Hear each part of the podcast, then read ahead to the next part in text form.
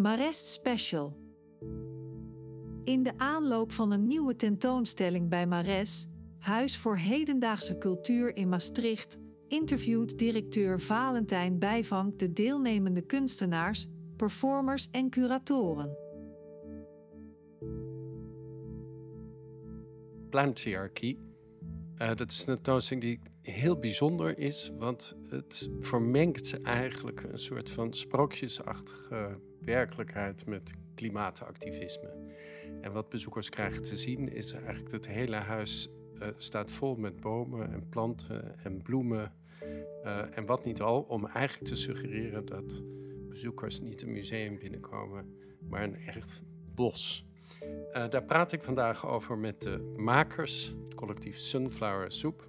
En dat bestaat uit Dirk Thijs, Freya van Dijk, Simon Kentges, Wouter Venema en de enige afwezige is Bernice Nauta.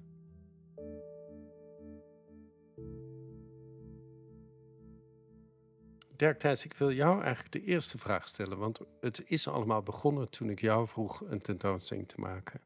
En toen heb jij gezegd, ik wil eigenlijk met een collectief aan de slag. Ja, ik had als eerder in Mares tentoongesteld en weet hoe groot het is en hoe, hoeveel variëteit het nodig heeft voor een goede tentoonstelling. Dus het leek me sowieso een plek waar je iets met meer stemmigheid moet doen en niet alleen maar de stem van één kunstenaar. Dus toen was dat eigenlijk meteen heel logisch.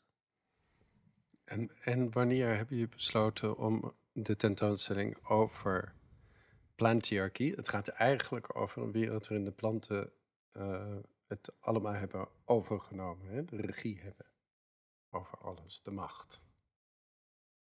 Was dat idee er meteen al? Ja. Ik denk dat dat ook uh, uit het materiaal kwam. De experimenten met pulp, dat leek meteen al uh, heel erg op plantmateriaal. En omdat wij allemaal wel activistisch zijn, tot op zekere hoogte. Drie van ons zijn actief bij Extinction Rebellion. Het gevoel voor een collectief dat het nodig was, kwam ook voort uit het idee dat de kunstwereld te gefocust is op het individu. En um, het past heel erg binnen die neoliberale werkelijkheid waarin we leven, maar dat dat niet is hoe we daar zelf uh, in willen staan. Um, ja, dus dat, dat kwam daaruit voort, denk ik, plantiarchie.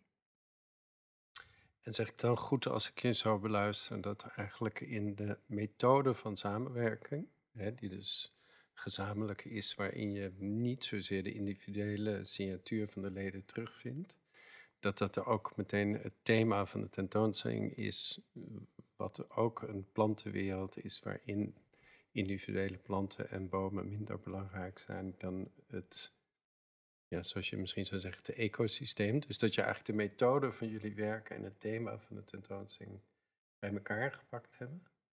Ja, ik denk wel. Ik vond het heel mooi dat uh, Hans, de tuinman van Mares, um, die was erbij toen we een workshop gaven met de pulp. En um, toen vroegen wij aan de deelnemers, wat voor plant zou je zijn? En het antwoord van Hans was: uh, Nou, ik zou niet een plant zijn, maar een bos. Uh, maar een heel mooi divers bos met open plekken en rozenstruiken en bomen. En dus eigenlijk inderdaad uh, de biotoop. Ja, dat was super mooi. Ga je van nu af aan als collectief verder? Ja, daar lijkt het wel sterk op. Ja, daar lijkt het inderdaad wel sterk op, ja. En betekent dat dat je geen individueel werk meer maakt? Dat is denk ik voor ons allemaal individueel uh, een vraag. Ja. Bij mij is het wel steeds meer aan het afsluiten, de individuele praktijk. Maar ja. ik vind het ook nog te eng om dat helemaal los te laten. Bij mij is dat hetzelfde, inderdaad. En wat, ja. wat betekent dat, afsluiten? Bij mij heel concreet dat we de afgelopen tijd gewoon, ja, we waren gewoon praktisch de hele tijd met deze tentoonstelling bezig. Dus er was heel weinig tijd om naar mijn eigen atelier te gaan en mijn eigen werk te maken. En wat op de achtergrond nog meespeelt natuurlijk is een financieel ding. Dus kunnen wij ooit, als wij verder gaan, op een of andere manier het zo maken dat we daar ook inkomsten mee genereren. Dat soort dingen spelen natuurlijk ook een rol. Ja, en ik heb zelf heel lang aan mijn eigen schilderijen gewerkt, dus dat is ook wel iets waardevols. Waarvan ik niet zeker weet of ik dat helemaal achter me wil laten. Of, ja, dat moet gewoon, denk ik, langzaam blijken. En hoe is dat voor jou, Wouter? Want je, je zit heftig te knikken.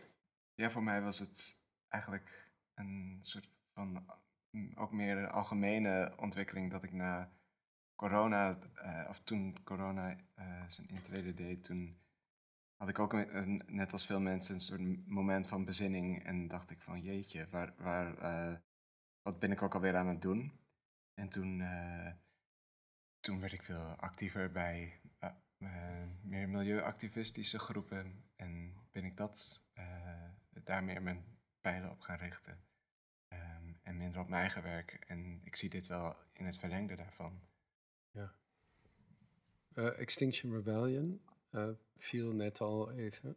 En milieuactivisme is het project waaraan jullie hier bezig zijn. Heb je het idee dat het bijdraagt aan de ideeën die Extinction Rebellion brengt? Of dat er een link is of een brug? Ja, ik denk dat het educatieve deel wel ehm, veel heeft losgemaakt. Het blijft altijd een klein zaadje wat je plant of zo. Maar er is heel veel gebeurd, denk ik, in die workshops. eh, waarin de, de beleving van, van natuur ja, uitgediept is of zo. Ja. Ja. En voor mij is dat eigenlijk ook niet, het- niet meer het educatieve deel. Het is gewoon het, het deel van het werk. ja. Je spreekt nu over de vele workshops die Nou in ja, de aanloop zijn Ja, georganiseerd. precies. Want hè? we hebben, Ja. een soort, we hebben dus een soort van simpel workshop formatje ontwikkeld aan het begin van, eh, van ja, vorige zomer, zeg maar. Dat een paar keer uitgetest of dat werkte. Waarbij mensen die deelnamen dus vanuit met papier-maché eigenlijk eh, een, een, zichzelf als een soort plant konden voorstellen, dan die, die plant konden maken of een deel van die plant. En dat, was, dat werkte heel goed, dus dat werd een soort van overdraagbaar ding wat andere mensen ook konden gaan doen. Dus eh, dat is wel echt een heel essentieel ding ook van dit hele project. Want anders dan waren wij het alleen maar geweest als het ware die dat, die, die plantenwereld hadden gemaakt. Dat, dat, nu is het, een, nu is het ja, ik, ik weet niet, we zaten laatst te denken van hoeveel mensen hebben hier, hier eigenlijk aan deelgenomen.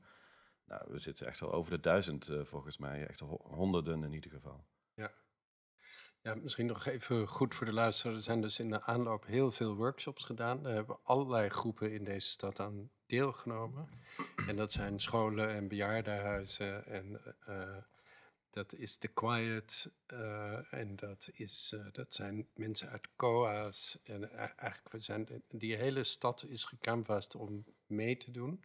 En de resultaten van die workshop, die zullen dus ook allemaal in het nu bos te zien zijn. Uh, zou een van jullie eens willen beschrijven wat jullie zien, hoe, hoe jullie deze tentoonstelling zouden zien? Of, hoe, of deze tentoonstelling beschrijven? Heel veelvormig, denk ik, zeker. Woekerend. Ja. ik. Ja, je krijgt een soort situatie waarin het dus ook een beetje onduidelijk wordt wie nou de regie heeft. Dus wij, je levert jezelf ook uit aan wat er dan uit die workshops komt. En eh, ja, dus we hebben allemaal werk wat wij nu aan het integreren zijn in de tentoonstelling. Het voelt heel erg als een gebeurtenis. Iets wat, wat je niet helemaal plant, maar wat gewoon ontstaat op allerlei manieren tegelijkertijd. En wat nu allemaal aan, bij elkaar aan het komen is.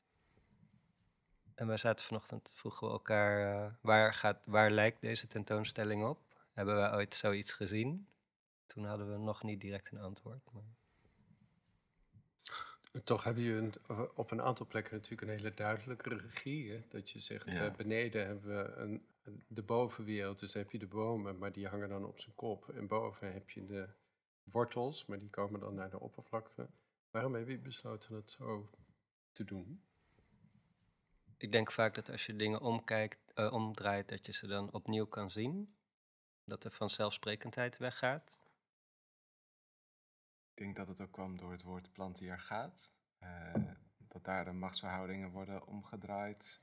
En dat het ons mooi leek om dat te benadrukken met een omgekeerde wereld.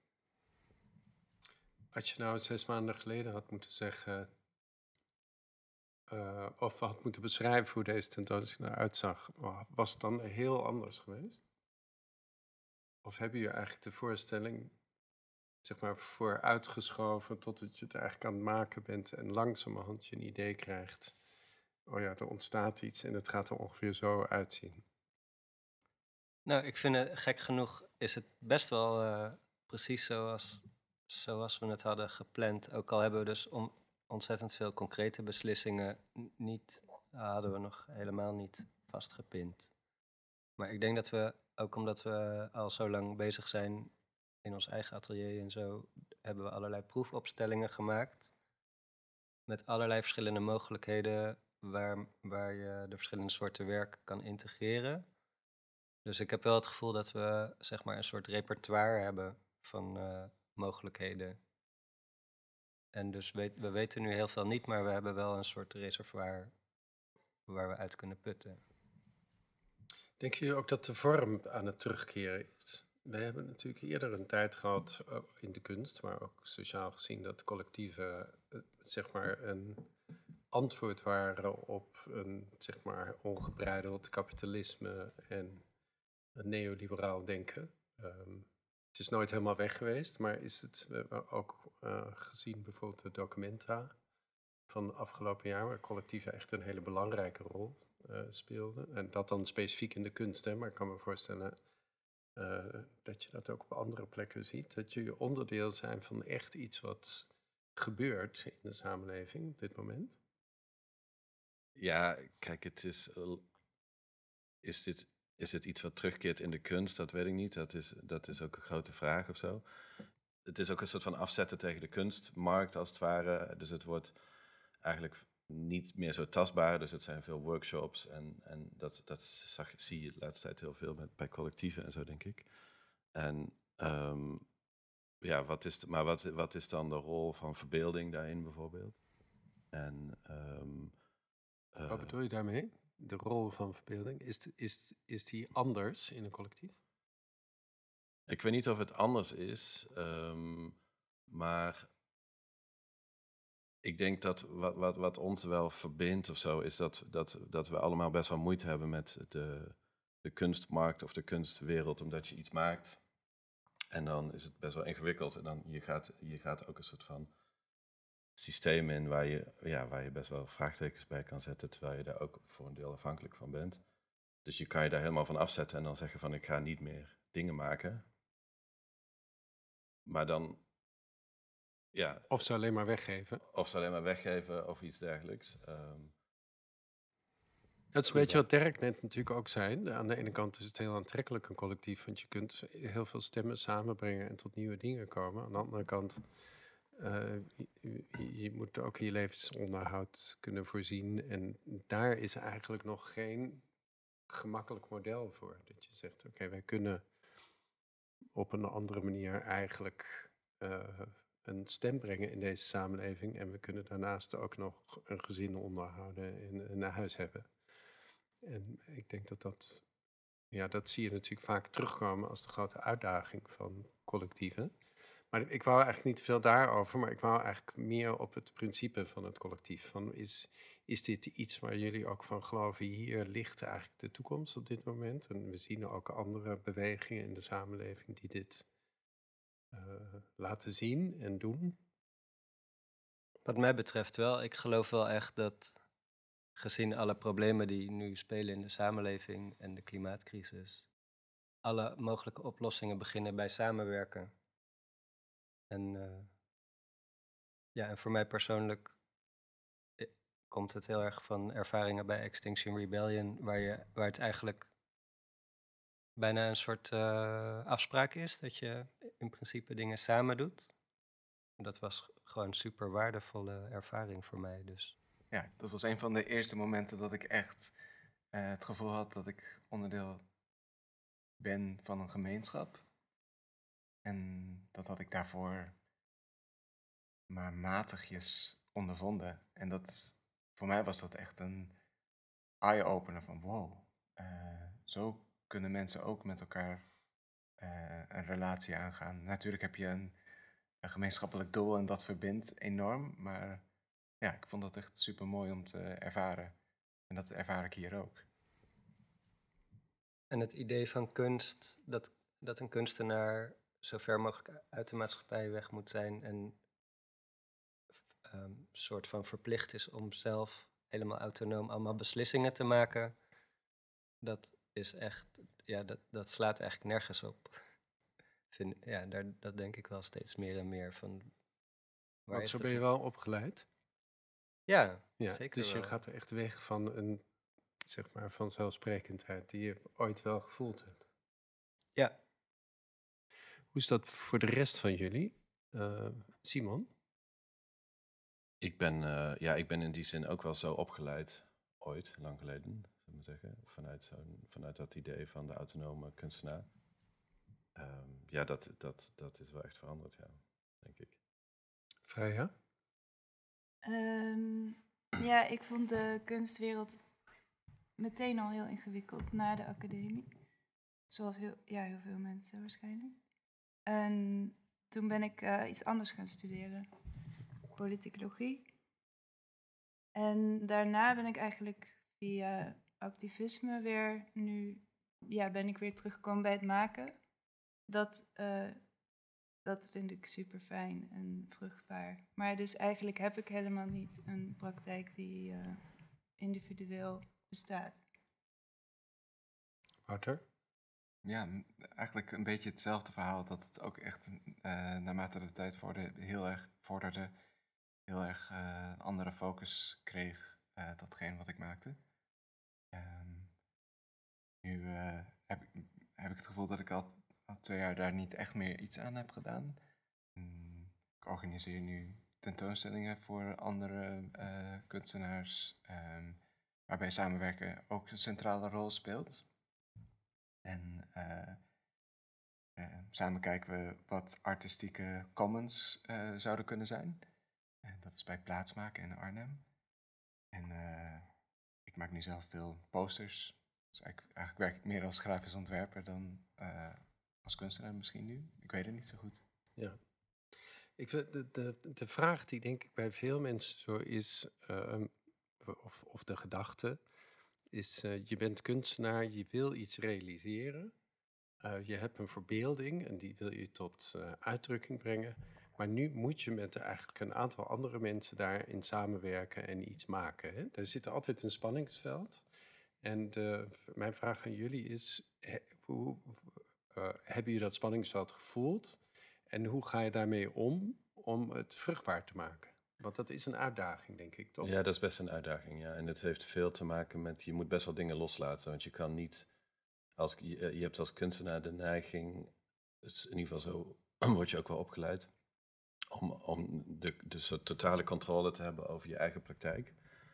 En dat gaat dan niet alleen maar over het werk, maar ook nog over hoe je erover communiceert en, en, en hoe je dingen organiseert en noem het allemaal maar op. En dat is ook wel goed of zo. Um, maar dat als je in een collectief op zo'n manier werkt, dan wordt dat heel ingewikkeld. Je kan niet overal um, je, zo je stempel opdrukken, als het ware, zoals je, zoals je misschien uh, vanuit een soort van uh, die klassieke autonome manier van werken wel zou willen. Maar dat is heel, fijn ook, omdat je dat juist niet hoeft te doen. Het lijkt me, het, doet ook iets aan de waarde die je hecht aan je eigen smaak. Dat je, tenminste, zo stel ik me voor, dat je, als je hoe genereuzer je je opstelt naar de, naar de perspectieven van de andere mensen, hoe relatiever eigenlijk je eigen gedachte van ja, dit is mooier dan dat of beter dan dat? Of werkt dat zo? Ja, dus we zijn begonnen met, eigenlijk zijn we concreet begonnen met dat we hadden afgesproken dat iedereen stapels tekeningen mee zou nemen die men individueel had gemaakt, maar niet wist hoe die afgemaakt moesten worden. Dus we, en dat we hadden afgesproken dat we aan elkaars tekeningen zouden werken. En dat gebeurde eigenlijk inderdaad niet talig, dus gewoon werken en dan doorgeven. En um, daar gebeurt het dan vaak dat, uh, nou, dat, dat ik dacht van, oh, dit ziet er echt niet uit, dit moeten we maar weggooien. En dat iemand anders dan zei, nee, dit is juist de mooiste tekening. En uh, dus dan, ja, je bent, je bent eigenlijk de hele tijd, uh, wordt er van je gevraagd om met andere ogen te kijken. En er komt iets anders misschien voor in de plaats. Dus in plaats van je eigen smaak. Ik zou niet precies kunnen beschrijven wat dat is, dat andere. Heeft iemand van jullie daar woorden voor? Mm, ik ervaar dat het uh, een soort lichtzinnigheid met zich meebrengt die niet per se, uh, niet, die is niet per se uh, grappig of, of onserieus, maar het, je, je kan lichtvoetiger door werken, daardoor werken. En dat, dat heeft als gevolg dat je veel makkelijker tot hele onverwachte dingen komt, omdat je niet aan een soort van zwaarte zit van, oh ja, maar dit moet wel binnen mijn praktijk passen of dit, is dit eigenlijk wel uh, geaccepteerd? Of, en dat is super fijn. Daardoor uh, kan je wat, ben ik in ieder geval dapperder om dingen te doen. Hm. Ik denk dat dat ook wel in de tentoonstelling is, zit, want die wordt ook behoorlijk lichtvoetig, toch? En heel uh, vreugdevol, toch? Ja. Speels misschien. Ja. Speels, ja. Je begon met uh, onze uh, tuinman Hans Engelbrecht, die een bos noemde als iets wat hij wilde zijn. Als je alle individuele stukken uit een bos haalt, dan zeg je ja, dit vind ik mooier dan dat. Maar de kracht zit er natuurlijk in dat als je het allemaal bij elkaar brengt, dat je niet meer op die individuele dingen let en dat die generositeit misschien nodig is om heel veel smaken bij elkaar te brengen en dan te zien dat het uh, bij elkaar eigenlijk pas tot iets komt wat heel bijzonder is. En dat is lichtvoetig en serieus. Ja, het zijn daar nou eigenlijk woorden waar je, waar je niet zoveel mee zegt misschien. Mm -hmm. Is een bos lichtvoetig of serieus? Ja. Het is wat het is. Precies. Ja. Ik bedacht nog, ben vergeten te vragen waarom jullie eigenlijk sunflower soup eten. Of is dat een voorbeeld van lichtvoetigheid? Er was een actie, volgens mij in de National Gallery, van twee uh, personen van Just Stop Oil die um, Heinz tomatensoep tegen de zonnebloemen van Van Gogh smeten. Dat is het. Als protest tegen. Um, volgens mij zeiden ze zoiets. Um, what is worth more, art or climate? En werd de vraag gesteld: hoe kunnen we kunst nog beleven in een uh, beschadigde wereld, denk ik? Hm. Niet, volgens mij was het niet uh, art or climate, maar art or life. Oh, life, ja. ja. En die vraag, ja, ik denk dat, dat de naam goed bij ons past. Niet omdat we dat soort acties gaan doen, maar wel omdat het in hetzelfde veld tussen activisme en kunst dat wij ons daar ook bewegen, maar wel op andere manieren. En als je het nou samenbrengt, zeg je dan, onze tentoonstelling is ook een protest? Of zeg je nee, eigenlijk is dat activisme moet altijd naast die, die, het maken van kunst blijven bestaan? Onze tentoonstelling probeert een andere invalshoek te geven op dezelfde problematiek en misschien daarmee een andere doelgroep te bereiken. Dus ik denk dat die twee altijd samen kunnen bestaan, moeten bestaan. Helemaal aan het begin, toen ons collectief gevormd werd, toen zaten we ergens bij het AI uh, Museum. En volgens mij, ik kan me herinneren dat ik toen niet zei dat ik het zo bizar, of ik daarvoor uh, werkte ik dus altijd als kunstenaar. En in kunst zijn heel veel dingen uh, uh, niet echt. Dus er wordt iets gerepresenteerd. Maar als je um, actie onderneemt op straat, dat is heel echt. Ook al kan je soms je voordoen als iemand anders. Um, er zijn hele echte gevolgen. Dus ik kan, je kan als schrijver bijvoorbeeld een boek verzinnen en de gevolgen zijn er niet. Maar als wij iets, of als mensen iets verzinnen, dan, zullen, dan zijn er echte gevolgen. Um, en dat speelt ook mee, dat er soms dat het soms moeilijk is om, Wat is een echt gevolg? nou, eh, politie, repressie of Mhm. ehm, surveillance of En, de- en denk je dan... boosheid van andere mensen. Ja, en denk je dan, eh, want eh, we- ja, je kunt ook gewoon zeggen, we zijn eigenlijk allemaal in ons hart activisten en sommigen hebben ook werkelijk deelgenomen aan activistische activiteiten. Daarnaast is deze tentoonstelling ook een vorm van activisme. Maar is dat dan voor jullie, als je zegt dat is echt en dit is representatie, zijn die dan ook evenveel waard? Ik denk dat een groot deel van het antwoord ook zit in dat wij ehm, die workshops en andere elementen ehm, ook volledig omarmen als zijnde kunstwerk. En eh, ja, dus de keuze voor het materiaal is ook, heeft er ook mee te maken. Dus dat je, geen, dat je zo min mogelijk ehm, Afval ja, produceert. afval produceert Ja. en dingen hergebruikt. Dat is ook eh, misschien echt. Dus, ja, dus de workshops en dat materiaal zijn misschien echt. En andere dingen zijn representatie of verbeelding. En wat mij betreft is het, vind ik het, ik vind het heel leuk om want nu praten we erover als een tegenstelling, maar om die tegenstelling zo lang mogelijk vast te houden. Dus niet voor het een of het ander te kiezen. En ik denk dat dat bij ons collectief ook best goed lukt.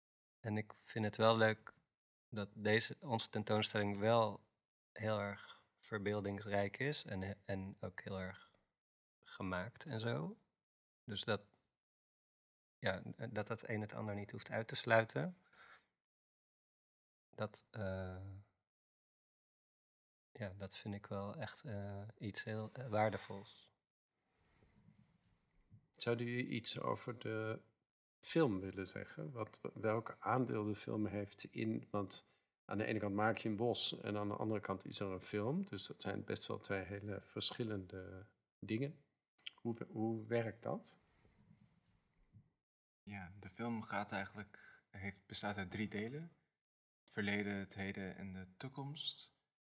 En ehm, je hebt natuurlijk altijd hoofdrolspelers bij films. Eh, die kunnen heel concreet zijn, zoals in Hollywoodfilms. Die kunnen heel eh, abstract zijn. En in dit geval is het een plant. Eh, ja, in het, de, de plant wordt meegenomen door een, een kolonist in het eerste deel, het verleden. En dat deel is ook deels opgenomen in Hotel Maria Kapel in Hoorn. En die plant verspreidt zich daarna hier. Ja, inderdaad. Ja, In het heden zien we ehm, hoe de plant eigenlijk wordt onderworpen aan allerlei wetenschappelijke experimenten. Ehm, en in de toekomst zie, zie je eigenlijk een magier die eh, een soort toverspreuk uitspreekt over hoe je in de toekomst met planten zou kunnen omgaan. En ik denk dat in het algemeen in de film vragen worden gesteld over menselijke denkbeelden over planten en hoe eh, talige constructen er ook voor zorgen eh, dat wij op bepaalde manieren met eh, natuur in het algemeen omgaan. En er worden ook veel vragen gesteld bij de woorden inheems en invasief en exoot. Allemaal hele beladen woorden zijn. Die worden eigenlijk een beetje onder de loep genomen. Ik zit ineens te denken, hoe, wat, wat wordt jullie volgende project? Want jullie zijn zo verknoopt met eigenlijk dit onderwerp, dat als collectief, of zeg je, wij gaan als collectief ons eigenlijk altijd richten op de, op de plantenwereld, of de natuurlijke wereld, of de, de, hele problematiek die daaruit voortkomt? We gaan een tijdje niet pulpen, Nee. denk ik. Of wel? Ja, nu heb ik wel weer echt een hernieuwd enthousiasme voor het Oh ja. tulpen, maar... Ja. ja, nee, ik denk dat we dat ook niet zo absoluut willen st- stellen. Eh, we hebben bijvoorbeeld nu ook al, zoals Simon al zei, eh, wat andere onderwerpen aangesneden over geld en over overdraagbaarheid. Ehm, maar ja, dit eh, dit onderwerp gaat ons, denk ik, wel extreem aan het hart. En het is ook super urgent en belangrijk. En ik denk dat we daar eh, de eerste tijd niet omheen kunnen. Dat we dat wel een soort van moeten doen van Mhm. onszelf. En Er zijn ook wel wat zijpaden die tijdens het ontwikkelen hier, ja, wat Simon net ook al zei trouwens, dat zijn niet eens per se zijpaden, maar tijdens het ontwikkelen kwamen er allerlei andere mogelijkheden. Dus we, hadden, we hebben een eh, fictieve politieke partij, de PPP. Eh, en gisteren hadden we het erover of we niet misschien een echte politieke partij moesten beginnen. Maar Simon heeft wat ervaring, Wouter misschien ook. Die raden het sterk af. en eh, er was ook nog een soort zijweggetje ehm, over aardappels. Want aardappels zijn letterlijk de verbindende factor van de tentoonstelling, omdat de behanglijm van de pulp daarvan is gemaakt. Ehm, en we kwamen, er is een soort connectie met eh soort anarchistische of socialistische geschiedenis in Noordoost-Groningen en Drenthe, waar heel veel van die fabrieken waren in het begin van de 20e eeuw, waar aardappelzetmeel werd gemaakt, maar waar dus ook, ja, waar veel protesten zijn geweest en dingen met vakbonden en zo. Ehm, nou, dat, ik ben daar heel benieuwd naar en ik zou daar nog wel meer eh, aandacht aan willen besteden. Dus ik denk dat we, ja, dat we een heel aantal van dat soort mogelijkheden dus liggen eigenlijk al klaar. Eventjes maakt het uit of je zoiets bij Mares doet of ergens anders. Heeft het feit dat het in Mares is het project beïnvloed?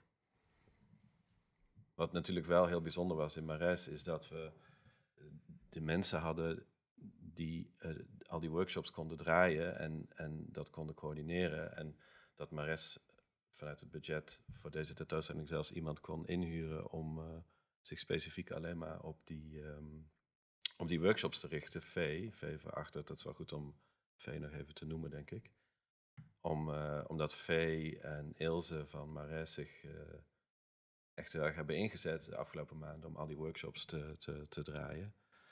En dat is voor ons natuurlijk een, wel een luxe, omdat je, dat hadden wij nooit in ons eentje kunnen doen. Of in ons, in ons vijfje. en ehm, niet, niet veel plekken hebben per se ook zo'n, die bieden die mogelijkheid. Je hebt dan misschien wel een ruimte, maar nog niet de, die, ook die organisatorische kracht daarachter. En ehm, ehm, ja, dat is, wel, eh, dat is wel heel bijzonder, vind ik eigenlijk. Wat verwacht u dat die tentoonstelling gaat doen? Of zouden jullie willen dat de tentoonstelling gaat doen? Bij bezoekers? Of met de wereld?